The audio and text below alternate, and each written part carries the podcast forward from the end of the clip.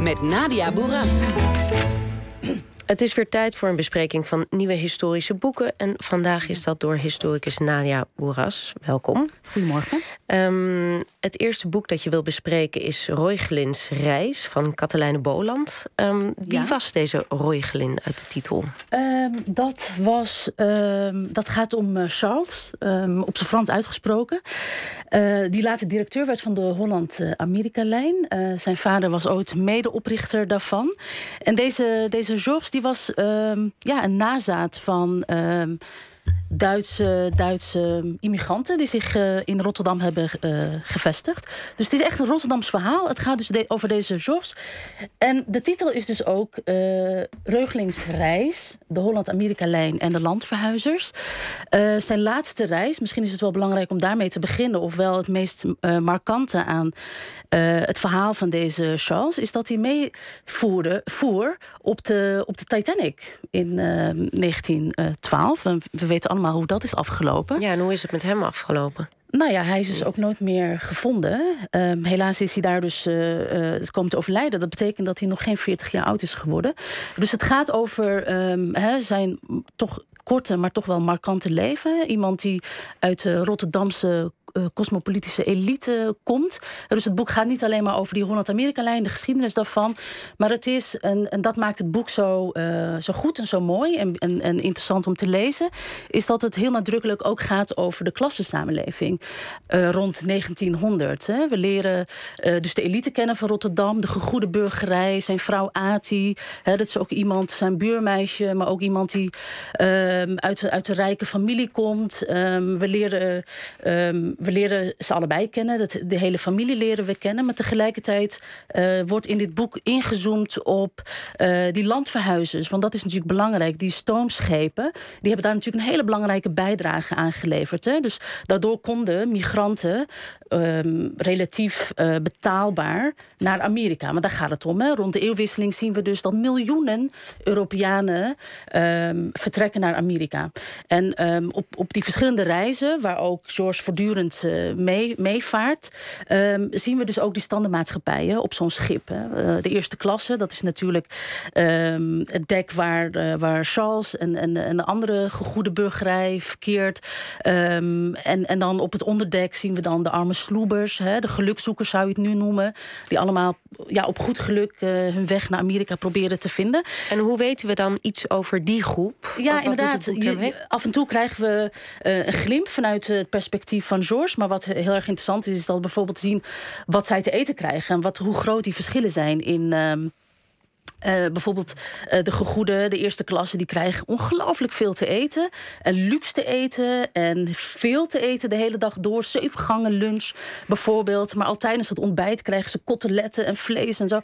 En die arme sloebers, die, uh, ja, die, die paupers worden ze ook in het boek genoemd, die landverhuizers, die, die krijgen in ieder geval beter te eten dan wat ze thuis gewend waren. Maar die krijgen bijvoorbeeld dikke witte boterhammen met heel veel honing of uh, heel veel boter en, en, een beker koffie bij het ontbijt bijvoorbeeld.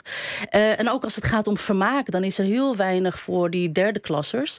Ehm, die hebben niet zo heel veel te doen. Die zitten in elkaar opgestapeld letterlijk en delen vaak ook slaapgedeeltes eh, met elkaar. Maar het, het, interessante is dat ook in die derde klasse zie je verschillen. Dus de Nederlanders hadden de beste uh, plekken, waar, waar bijvoorbeeld ventilatie was, waar je ook af en toe uit het raam kon kijken.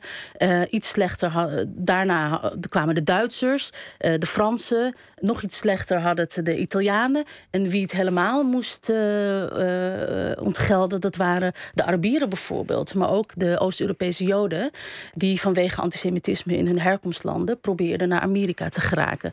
Dus we, we krijgen dus een. Maar op dat schip zijn ze no worden ze nog uh, geïsoleerd? Nog, nog geïsoleerd. En eigenlijk wat interessant is, dus het verhaal gaat ook over, over migratie, over de grote uittocht van, van migranten uit Europa die richting Amerika gaan. En wat interessant is, en dat um, raakt een beetje aan de discussies die we nu hebben, bijvoorbeeld rond asiel en migratie en dergelijke. Is dat ze werden niet in Amerika uh, geselecteerd, maar ze werden eigenlijk al aan de grenzen, Europese grenzen geselecteerd, voordat ze op zo'n schip uh, konden, uh, een kaartje konden bemachtigen voor dat schip. Dus ze werden bijvoorbeeld ook wandelende bacteriën genoemd, bijvoorbeeld. Hè? Dus het idee dat, dat we hier te maken hebben met echt uitschot, met, met ziektes. Ze, komen, ze, ze verspreiden ziektes door heel Duitsland, door heel Europa, voordat ze in Rotterdam aanmeer uh, nou ja, opstappen op zo'n schip richting Amerika. En als ze in Amerika aankomen, we kennen allemaal dat beeld van het vrijheidsbeeld en Ellis Island. Maar daar worden eigenlijk maar heel weinig mensen geselecteerd. Dat is al gebeurd onderweg. En dat lees je dus allemaal in Royglins uh, Reis van Kathleen Boland. Wat is het tweede boek dat je hebt meegenomen? Het tweede boek is uh, de biografie van Theo Thijssen. Um, geschreven door Peter Paul de Baar. Uh, Theo Thijssen, schrijver, schoolmeester, socialist. Dat is ook de ondertitel. Um, we kennen allemaal, denk ik, Kees de Jonge. Hebben we allemaal ooit gelezen.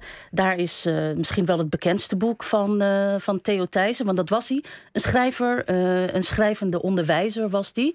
En Kees de Jonge is uitgekomen in 1923, dus precies 100 jaar geleden. En, um, en nou ja, en, maar goed, deze biografie was al heel lang in de maak. Heeft 30 jaar geduurd voordat hij uit is gekomen. Is ooit begonnen door iemand anders en door Peter Paul de Baar afgemaakt. Peter Paul de Baar is bijvoorbeeld ook initiatiefnemer van het Theo Thijssen Museum. Dit gaat natuurlijk over Amsterdam. Hè. Daar waar Boland vooral vertelt over Rotterdam... is dit een heel Amsterdams verhaal. In het bijzonder de Jordaan. En um, wat voor beeld komt er naar voren van die man? Ja, het is, het is een boek. Het is 500 bladzijden dik. Dus je zou denken, nou ja, dat, dat gaat over zijn leven. We komen heel weinig te weten over zijn privéleven. We, we leren vooral uh, um, Theo Thijssen kennen um, als uh, die onderwijzer. Uh, auteur, een onderwijzer met literaire aspiraties, um, socialist. Hij is actief geweest voor de SDAP, de voorloper van de Partij van de Arbeid. Daarvoor heeft hij in de gemeenteraad gezeten, maar ook in de Tweede Kamer. Dus iemand die een groot hart had voor onderwijs, voor zijn leerlingen. Dat raakt natuurlijk ook aan discussies die we nu hebben. Als het gaat over kansenongelijkheid en dat soort dingen. En de leerling centraal stellen. Dat waren dus ideeën. Dat is de filosofie van Theo Thijssen. Dus dit, dit boek is, is heel belangrijk voor mensen die nu in het onderwijs zitten. Mensen die afkeer hebben van regels in het onderwijs. Uh, die geen gedoe willen van allerlei bestuurders die denken hoe het moet in het onderwijs. Um, dat is, we zien vooral een onderwijsman in hart en nieren. Het is een markante Amsterdammer. Wat maakt hem zo markant? In ieder geval zijn voorkomen. Hij is ongelooflijk lang echt twee meter lang is hij. Um, enorme snor heeft hij. Schoenmaat 48. Uh, eh, een liefhebbende vader. Een familieman. Nogmaals, we weten heel weinig over zijn persoonlijke leven. Dus misschien zullen mensen een beetje teleurgesteld zijn. Ja, wat is het eigenlijk voor man? Wat weten we ervan? Hoe groot is zijn, zijn, uh, literaire, is zijn literaire erfgoed? Nou ja, het feit al dat er een biografie verschijnt... betekent dat hij toch wel heel belangrijk is. Van nou, zijn... Misschien een ode aan de leraar dus. De ode aan de leraar, zeker. Maar hij is meer dan leraar Het is ook iemand die, die schrijft. Een prachtig boek heeft geschreven. Kees de Jonge, maar ik noem ook De Gelukkige Klas, Het Grijze Kind. Het zijn prachtige boeken. Dus um, laat, laat deze biografie um, ja, uh, een manier zijn om opnieuw kennis te nemen met zijn werk. Goed, dan tot slot ben je. Dit was dus de biografie over Theo Thijssen. Um, ja. Dan ben je nog na, voor ons naar de film geweest. ja, heb ik met veel plezier gedaan. Vorige week, uh, precies een week geleden, was ik bij uh, De Bezette Stad. Film van uh, Oscar-winnaar Steve McQueen. Um, het is gebaseerd op, de, op, de, op het boek um, Atlas van een, van een bezette stad van Bianca Stichter, zijn echtgenote. dat boek is in 2019 uitgekomen. Echt een mo mo monumentaal boek over duizenden adressen in Amsterdam die raken aan de oorlog. Of dat nou gaat om verzet, of dat nou gaat om Joden die weggevoerd zijn uit hun huizen. En, um, en de bezette stad is dus de verfilming van, uh, van dat boek, maar teruggebracht naar 150 adressen in Amsterdam in allerlei postcodes. Maar wel in een film die ruim vier uur duurt. Dus je ziet bijna 4,5 uur te kijken naar een film met de stem van Carice van Houten. Die begeleidt ons door de film heen. Die vertelt dan uh, steeds bij een adres wat daar gebeurd is, wie er weggevoerd is, waar er verzet was. Maar tegelijkertijd kijken we naar beelden van het Amsterdam van nu. De film is gemaakt uh, in vanaf 2020 tot 2023. Dus het is een periode van, van corona, van allerlei grote protesten, klimaatmarsen, uh, slaaf, uh, excuses van slavernij. We zien dus die beelden allemaal terug. En dat is iets wat heel opmerkelijk is, want je hoort dus hele afschuwelijke feiten over het oorlogsverleden. En tegelijkertijd kijk je naar het Amsterdam van nu. Dus die alledaagsheid, die banaliteit van alle dag, clasht heel erg met die gruwelijkheden die je hoort. En werkt dat voor jou, die vergelijking? Ik vond dat. Ik vond dat vergelijking. Ik ja, het, is, het... is een, het is een parallel. En het, het wordt niet heel duidelijk precies wat er bedoeld wordt door de makers met, uh, met deze film. Tegelijkertijd is het um, onmiskenbaar een oproep uh, tot ja, hoe verhouden wij ons tot het oorlogsverleden? Hè? Want we zien gebouwen, we zien gebeurtenissen, de stoeptegels, hè? letterlijk de, de, de, de, de, de, de stolpersteinen, die herinneren ons aan dat, dat verleden. Maar tegelijkertijd kijken we naar het heden. En het is een oproep naar hè, wat is onze verantwoordelijkheid om die geschiedenis levend te houden. Goed, een, een multi-interpretabele uh, film, zo klinkt het ook. Veel dank Nadia Boeras. En wie wil nalezen welke boeken hier net aan de orde kwamen, kan terecht op onze website vpro.nl/slash OVT.